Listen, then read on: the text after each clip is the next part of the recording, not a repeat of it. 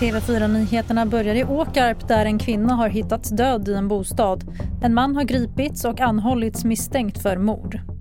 Anhöriga är underrättade och det vi gör där på platsen är att vi genomför teknisk undersökning bland annat eh, för att utreda det här eh, misstänkta mordet. Säger Filip Annas, presstalesperson polisen Region Syd till TV4 Nyheterna.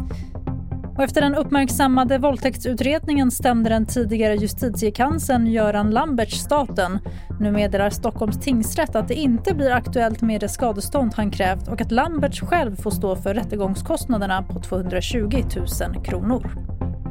Och vi avslutar med en musiknyhet. Sara Larssons turné i Norden inleddes i november och idag skulle hon uppträtt i Köpenhamn. Men så blir det inte. Konserten blir inställd på grund av hälsoskäl som inte är covid-relaterat. Så sent som i onsdags uppträdde hon på Avicii Arena i Tim Berglings minne och för att belysa om ungas psykiska hälsa. Men dagens konsert i Köpenhamn blir alltså inte av. De senaste nyheterna hittar du i TV4 Nyheternas app. Mitt namn är Tannas Edalat.